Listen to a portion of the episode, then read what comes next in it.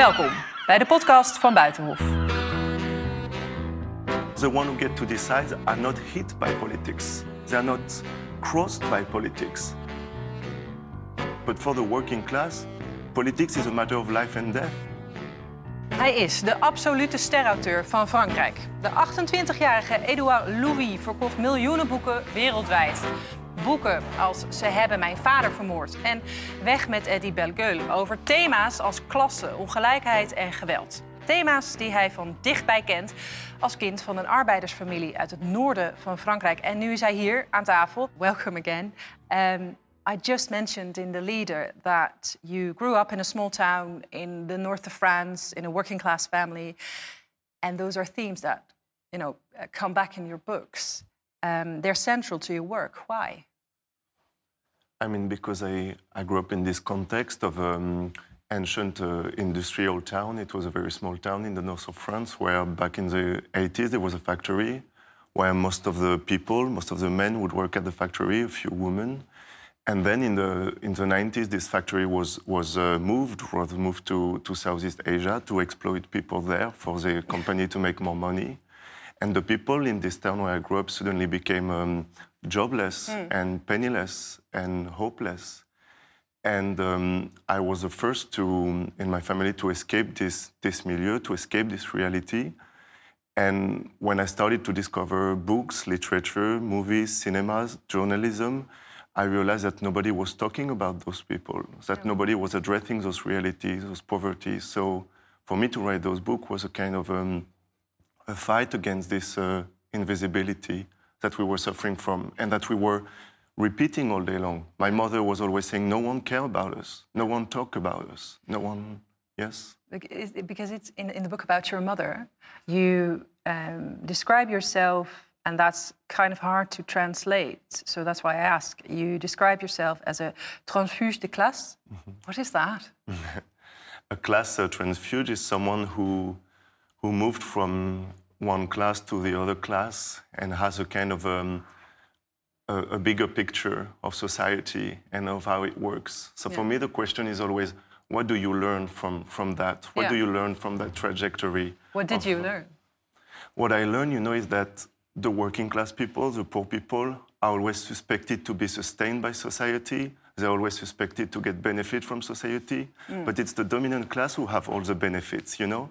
They grow up and they have the culture, the parents give them books, they go to the cinema, they go to the movies, they know about the best universities, and, and, and they are prepared, and society is giving them everything to succeed. Yeah. And in succeeding, I mean having an easier life and having yeah. a better life. And, uh, and so it's the dominant class who gets the benefits, not the poor people who are starving, who are trying to survive, who are harassed by state to prove that they deserve to live, that they deserve to have a life.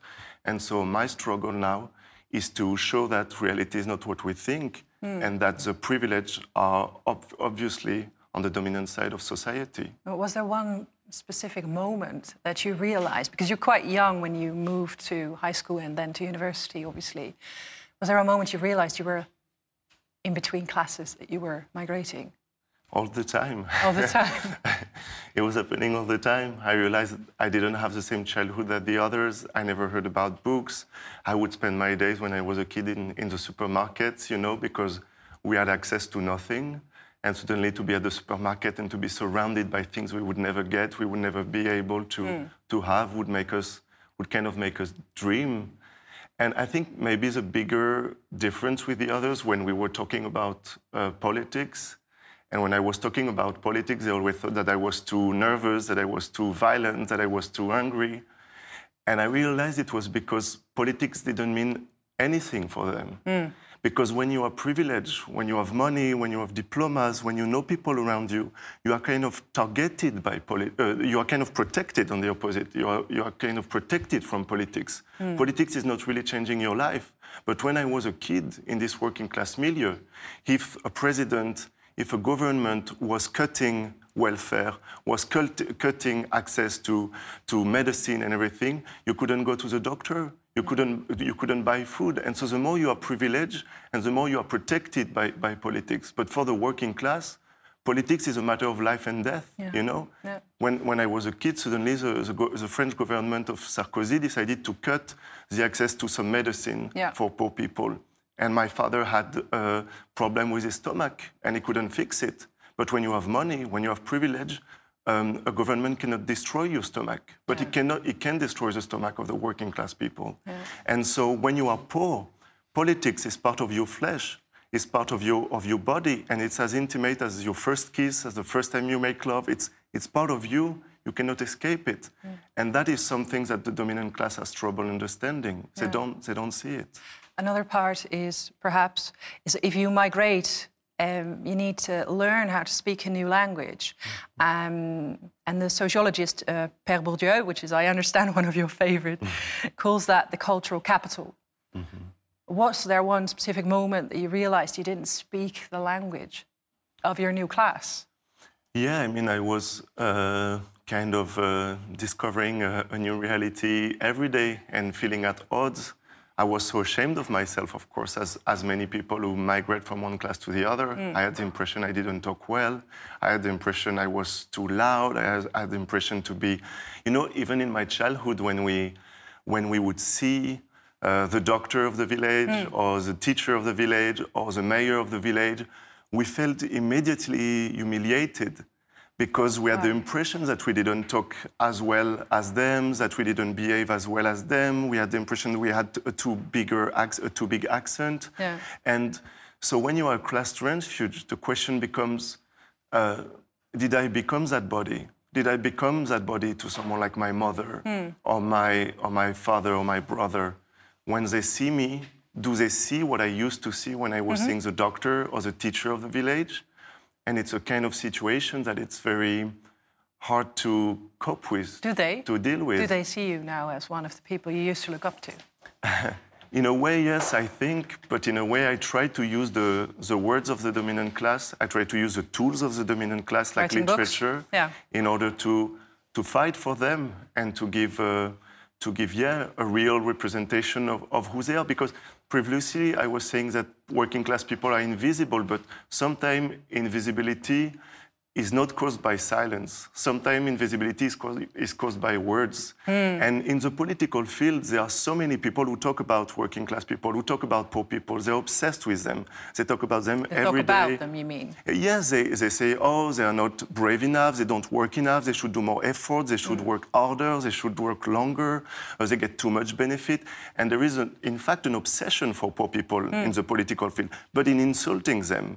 And insulting them is making more them even more invisible because it's not they are what they are, it's not what they are going through, it's not what they are living.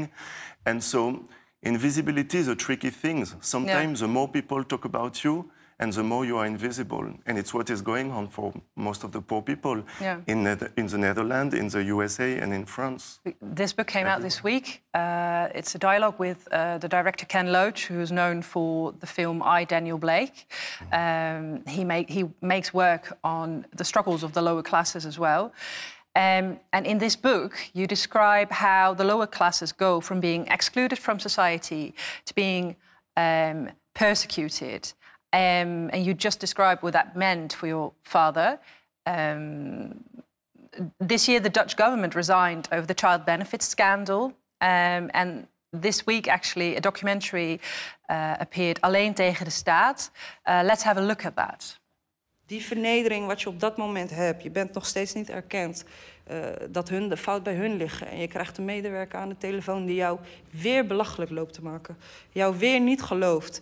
Ehm, eigenlijk doet of dat jij weer leugens aan het ophangen bent. Ehm, ja, het is gewoon pure vernedering. Vernederingen op de snelweg als politie je aan de kant haalt omdat je eh, je verzekering niet hebt kunnen betalen. De, de vernedering dat, dat gas en water eigenlijk afgesloten moet worden. Ehm, de vernedering dat ze je op zwarte lijsten willen zetten voor een normale verzekering. Eh, de vernedering bij de psycholoog dat je je verhaal weer moet doen. Het is eigenlijk continu een vernedering. Yeah, we've showed you this clip before in translation, and she talks about the constant humiliation she felt. What do you feel when you see this? hungry, outrage, um, because I, yeah, I know this reality. I've experienced this reality, and I've experienced this kind of, yeah, uh, constant persecution of the working class people. This woman had to prove that she deserves to live, that she deserves to survive. The poor people, they have to give evidence and proofs all day long that they deserve an existence, mm. that they deserve a place on earth. And you know, in the book about my father, I, I, I described this situation when I, when I was a kid. My father had a, was a factory worker, and he had an accident at the factory that mm. destroyed his body. He couldn't walk anymore, he couldn't breathe anymore for years. And um, he was on the welfare. And suddenly, under Sarkozy, there was a new reform of the welfare. The welfare system changed. And suddenly, the poor people had to prove that they deserved the welfare. They had to show that they were looking for work, that they were mm-hmm. looking for jobs. And like this woman, they had to show that they deserved to live. Yeah. And I had, in a way, it's related to what I was saying before. I didn't have political memories of politics. I had intimate memories of politics. I remember the administration calling my father every day. I was seven years old, I was eight years old, telling him, You have to go back to work, you have to go back to work, you have to go back to work. So, what does it mean? It means that the society, the government, and the dominant class say to the poor people, either you die mm. because we take the welfare from you, which is the subject of Ken Loach's movie I, Daniel Blake, yes. or you die because you will go back to work even if your body is destroyed by your life, by poverty, by your work. So it means either you die or you die. And that's the two options that we give to poor people nowadays in the Netherlands and, and everywhere else. Yeah, because in the book on your dad, you, you call out Macron and all the, all the politicians um, for persecuting these lower classes, as you say. Do you think the same goes for our prime minister in the Netherlands? Yeah, clearly, clearly. And it's a, it's, it becomes a paradox because um, the people who decides in politics uh, don't feel what politics means. No. The ones who get to decide are not hit by politics. They are not crossed by politics. They don't know what, what it means. I could say the same thing for me today, you know? I'm a bourgeois. I'm writing books. I have a nice apartment in Paris. I studied. I've read Bourdieu. I do a book with Ken Loach.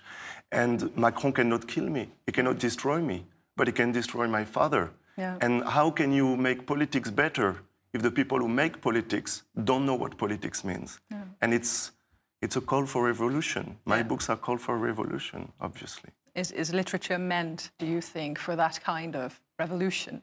Yeah, I think that literature can, can be this tool to kind of investigate reality, to kind of reshape reality, to kind of um, put new words on reality, because also that's the problem with the political field. The political field is always talking with abstraction, you know, the republic, the democracy, uh, the social bound.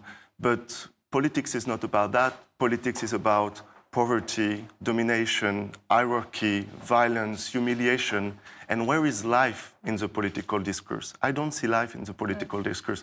And so that's why I'm trying to use literature in order to put to put life in it in the conversation. Can I ask you uh, for my last question? You just mentioned I'm now bourgeois and, and Macron cannot hit me, uh, and you described how you how you've migrated from one class to another. Does that mean that the class that you have now arrived at does that feel like your home? No, I don't feel at home, and and I don't want to feel at home. Mm. I want to use literature. I want to use this book about my father, or this book with Ken Loach, as a way to, to force the dominant class to see what they don't want to see. Because in, in a way, we know everything. Mm. We know that the world is racist. We know that the world is unequal. We know that there is masculine domination. But most of the time, people are turning their head not to see it. Like when you go in the street, you see a homeless person and you turn your head. Mm. And so my books are here in order to, yeah, to force, force people, people, to, to see. see, it. Yeah. And that's that's what literature should be a source of confrontation. Yeah. Thank you so much Thank for your you. time and your Thank great you books.